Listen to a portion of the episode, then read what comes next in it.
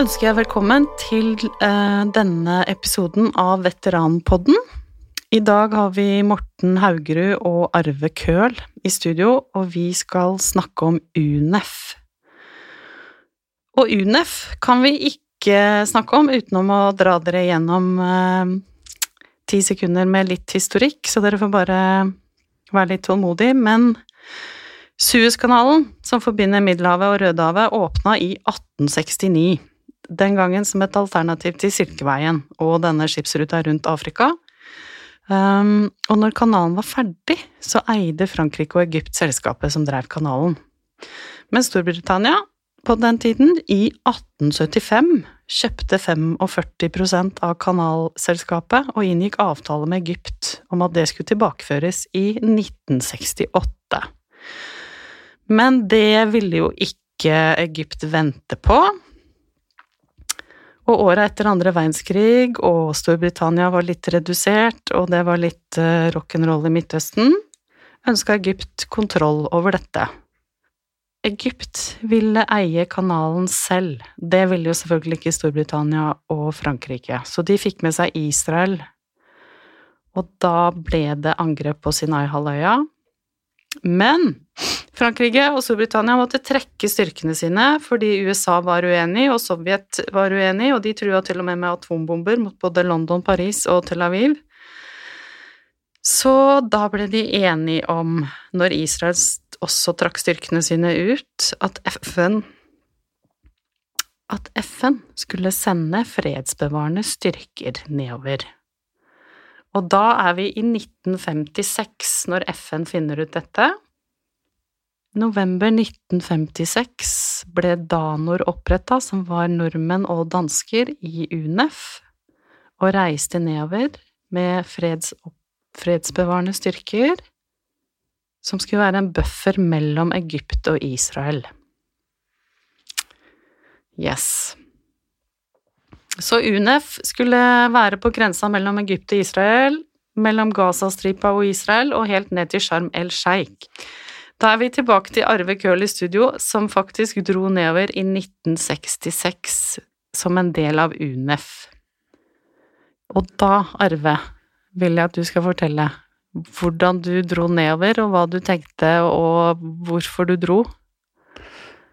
Det var en del av førstegangstjenesten som jeg hadde der nede. Det kom oppslag når jeg var på Setermoen om at de trengte mannskap.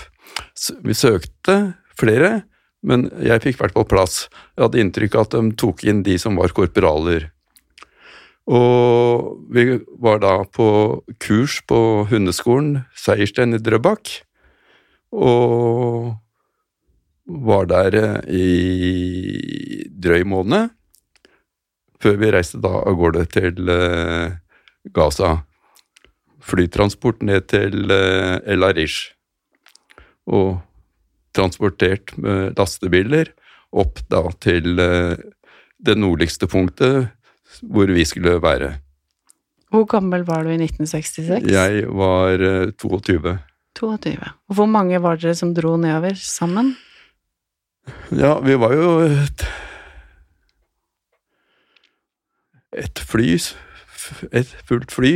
Mm. Så det var vel en 150 stykker, kanskje. Dette her var en av de siste kontingentene, hvis jeg har skjønt det riktig? Ja, den siste kontingenten som var Når vi dimitterte da i 67, mm. så var det svenskene som overtok. Og da var de der bare en del uker, så begynte krigen. Mm. Men hva hadde dere hørt da, før dere meldte dere? For da hadde det jo allerede vært noen styrker der nede? Ja, vi hadde vel egentlig ikke hørt noe særlig i det momentet som vi søkte. Mye av, øh, mye av grunnen til søknaden blir jo selvsagt også at det blir litt eventyrlyst i det. Mm. Oppleve noe nytt. Og Eh, tjenesten i Nord-Norge, den, liksom, den appellerte til at det var ålreit å være med på ting i Forsvaret. Trivdes mm. godt i Nord-Norge. Hadde trivdes godt når vi var på Sesvollmoen. Og da regna jeg med at det ville jeg sikkert gjøre videre. Og så ble det med hundetroppen. Det var en hundetropp som lå fast i hovedleiren, som staben lå. Og så rundt om i lagene så var det da eh, hundeførere som fulgte med de troppene, for vi forflyttet oss fra leir til leir. Vi lå en uh, måneds tid i hver av leirene. Og det var to hunder og fire hundeførere. Uh, to hundeførere og så to som skulle bistå hvis det var sykdom, permisjoner eller den slags. Men en vanlig hverdag, hvordan ville den vært? Vanlig hverdag var at vi i sjelden tilfelle hadde leievakt et par ganger på OP, eller så var det hovedsaken var nattpatruljer. Mm. Var det varmt? Når vi kom ned på høsten, så hadde det jo allerede begynt å bli høstlig i Norge, så det var jo som å komme i en bakrom da vi gikk ut på flyplassen som var i Leirish. Det var jo ute i ørken. Og både varmen, luktene, alt ble veldig fremmed. Mm. Hva, hva, hva, tenkte du? Det berømte spørsmålet, hva tenkte du? Nei, hva tenkte vi da? Vi var jo bare spente på å komme dit og se åssen det var der vi skulle være. Mm. Og maten og hygieneforhold og leiren og sånn? leirene de var eh, primitive, men veldig greie å være i. Mm. Vi hadde brakker som vi sov i.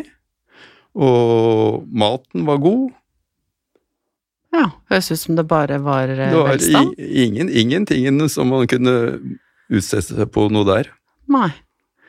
Men hvilke andre land eh, var dere sammen med?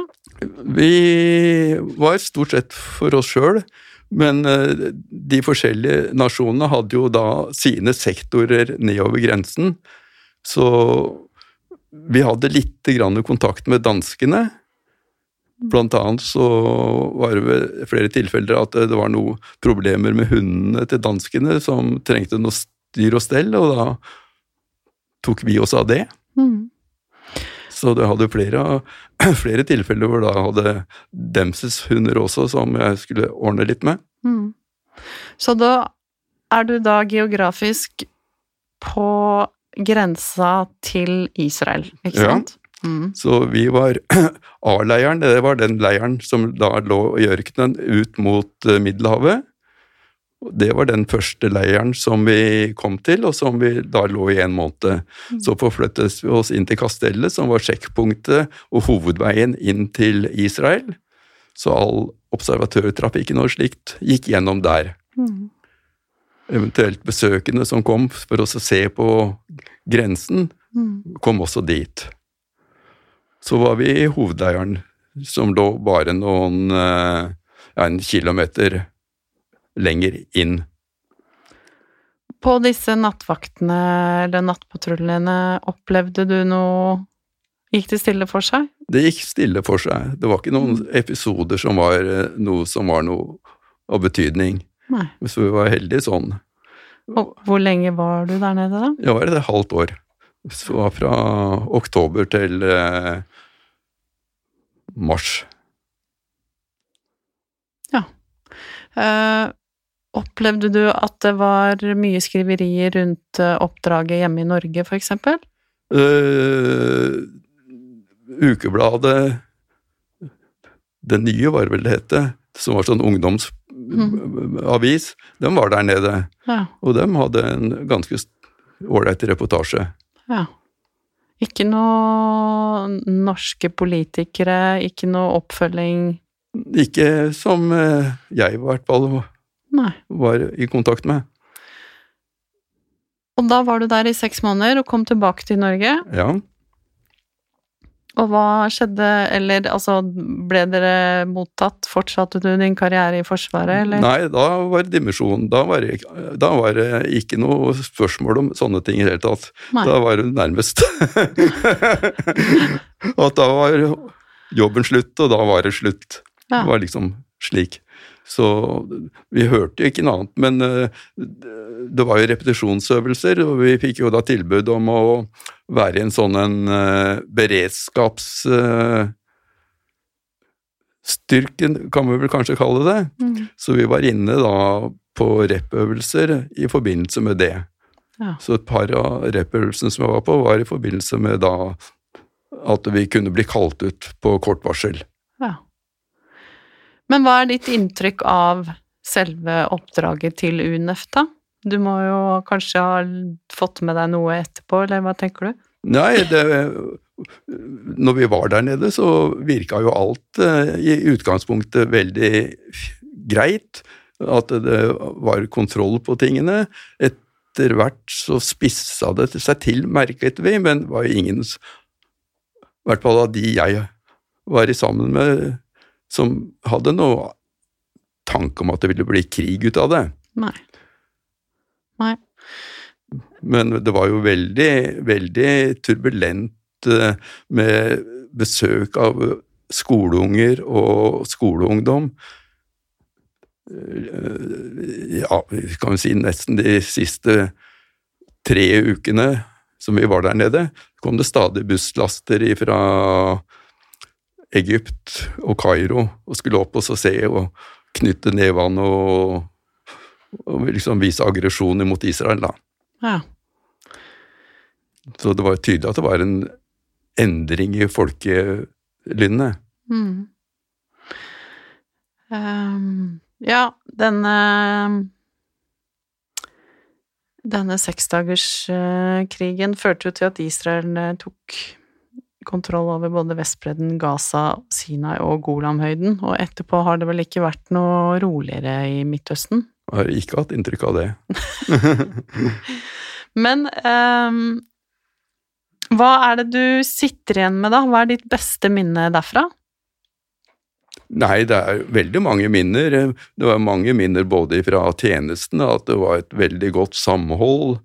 Vi trivdes godt. Det var meningsfylt, og det var veldig variert, fordi at eh, det var jo selvsagt noe helt annet å drive med hundene og, og ha veldig selvstendighet i det, framfor kanskje ene og alene være på au-pair. Mm.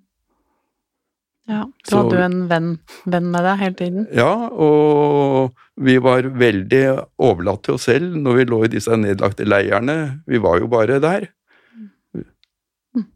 Det var ingen andre som hadde noe med oss å gjøre da. Så alt som skulle gjøres, det var jo vi sjøl som styra stelte med. Ja. Hvor mange var dere da? Da var vi to. Ja, ikke flere, nei. Nei. Um... Og så om natta så hadde vi eh, arabere, da, sivilbefolkning, som hadde jobb, som var på tre forskjellige OP-stasjoner i leiren, som eh, da skulle observere. Mm. Og så var mye av nattjobba vår var å holde dem i ånde. ok, hva innebar det da? Nei, de var jo tre, og så skulle jo kunne to hvile og én være våken. Og det er ikke bestandig like lett å være våken om natta da, Nei. når de sitter ved sånt et leiebål. Nei. Men så øh, Dette er Hva var det vi regna ut 65 år siden UNF ble etablert, Ja. og du var der i 66. Og nå er vi i 2021, og her sitter du da med Morten Haugerud, som jeg vet øh, Jeg har truffet dere på turer og Jan Baalsrud Mars. Dere har hengt litt sammen, og Morten, du er også veteran. Hvor Ja. er du veteran fra? Jeg eh, tjenestegjorde i Libanon i 92, Ja. og var da mekaniker der nede. Og hvordan eh, traff dere hverandre? Nei, det var egentlig sånn at eh, jeg har ei datter som, eh, som var er hesteinteressert, og det var jo en arvo, så vi treftes egentlig gjennom hesteinteressen, kan du si, da. Ja. Så blei det vel eh, snakk etter hvert, da, at, eh, eller om det var noe han så, eller Det husker jeg ikke helt, men i hvert fall så fant vi nå ut at, eh, at de hadde tjenestegjort i, i Norbat, og det var vel sånn det ble snakk på den felles veteranen. At vi hadde vært ute begge to, da. ja. Dere har vært på flere turer sammen? Ja, vi har vært eh, første turen var vi på Rjukan, og så var vi på den Bolsrud-marsjen med deg, og så var vi på grensen i Kirkenes. Ja. Fantastiske turer.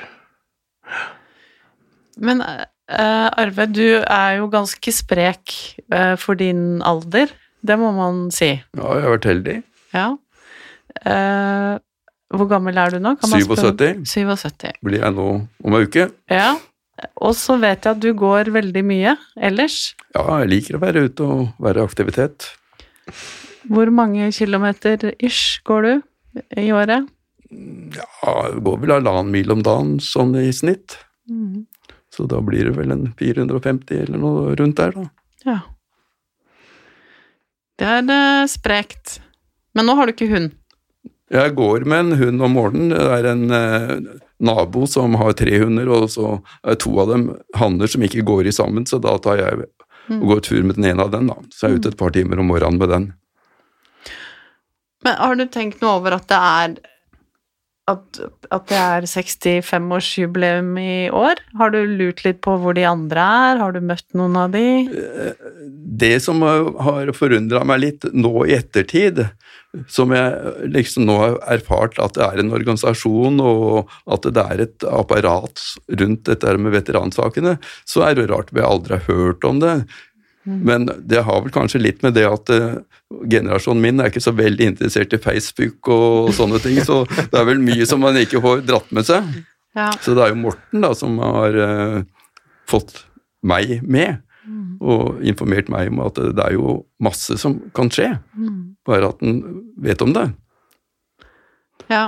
Det kan være hende at noen av de som var litt eldre enn deg, og som i tillegg var i de første kontingentene i UNEF, eh, kanskje ikke er så ofte på internett eller eh, Facebook, da, som du sier. Ja. Eh, men har du truffet noen, da, som du har vært ute med? Eh, Jeg hadde kontakt eh, en lang periode med den andre hundeføreren som var i den troppen som jeg var. Ja. Og vi var også på permisjoner i sammen. Så vi hadde det veldig hyggelig og kom veldig Hadde det liksom lett for å prate og Han har vært hos meg, og jeg har vært hos han Ja. en, en gang hver, da. Men han bodde jo borti ved bergenskanten, så etter hvert som åra gikk, så ble jo kontakten mindre. Ja. Så jeg har ikke snakka med han nå på utallet av år. Nei. I den boka, det kom jo en sånn digertjukk bok som du så på kontoret Ja, den- om UNEF. Ja, den har jeg. Den har du. Kjenner du deg igjen i mye av det som står der, da? Ja da, jeg har lest boka fra perm til perm, men akkurat det som jeg var med på, det var lite omhandla om der. Det gikk mer i min kontingent på andre deler av aktivitetene. Ja. Er det noe du ehm, husker i forhold til mat der nede? Er det noe du ikke spiser på grunn av noe, eller? Nei, det- det eneste jeg ikke liker er hvitløk. Ja. Og sterkt av mat, det vil jeg ikke ha. Men ellers så, så går stort sett alt ned. Ja. Er det noe annet du har lyst til å fortelle, da, fra Nei, det- UNF-perioden? Jeg var jo dyreinteressert før militærtjenesten, og at jeg da fikk sjansen til å søke på hundeskole, det var jo veldig positivt, og etter det så har jeg drevet med hund i alle år. Mhm. Og har jo hatt flere hunder, Ja, for og drevet med trekkhunder i mange år. ja. Så jeg har jo hatt veldig glede av det jeg lærte på hundeskolen og gjennom tjenesten i Gaza, gjennom hele livet ellers. Mm. Det er bra. Det er godt å høre. Og du, Morten, har du noen morsomme historier fra Libanon du vil eh, runde av med? Ikke egentlig som jeg kommer på sånn uh, umiddelbart, men uh, nei. Har du truffet noen av de du var nede med? Ja da, jeg har kontakt, fremdeles kontakt med, med noen. Ja, det, det er klart det, det dør ut litt etter hvert, men uh, det er noen jeg har kontakt med. Så er det jo Jeg syns jo det er fint, det systemet som er rundt NVIO og, og det arrangementet og det som gjør at vi blir ivaretatt, da. Jeg har jo også en bror som var eh, ute i 88-89, og han er jo også med på dette her, så vi veteranene føler jeg blir godt ivaretatt gjennom det apparatet som dere har. Det er hyggelig å høre. Det liker vi. Um, da vil jeg bare si takk for at dere kom. Er det noe du har på hjertet som du vil avslutte med, Arve? Ja, jeg vil jo egentlig si det at uh, mye av det som jeg har gjort i ettertid, det har jeg jo fått mer eller mindre masse impulser ifra gjennom uh, både militærtjenesten i Norge og der nede. Mm. Og hele livet så har jeg vel egentlig drevet da med dyr på en eller annen slags måte. Nettopp fordi at jeg syns jeg fikk veldig mye kunnskap og lærdom som jeg har kunnet dra nytte av nå. Du anbefaler alle å søke på hundeskolen til Forsvaret. Absolutt. Det blir de nok eh, glad for. ja vel. Takk. Likeså. Takk for at vi fikk komme.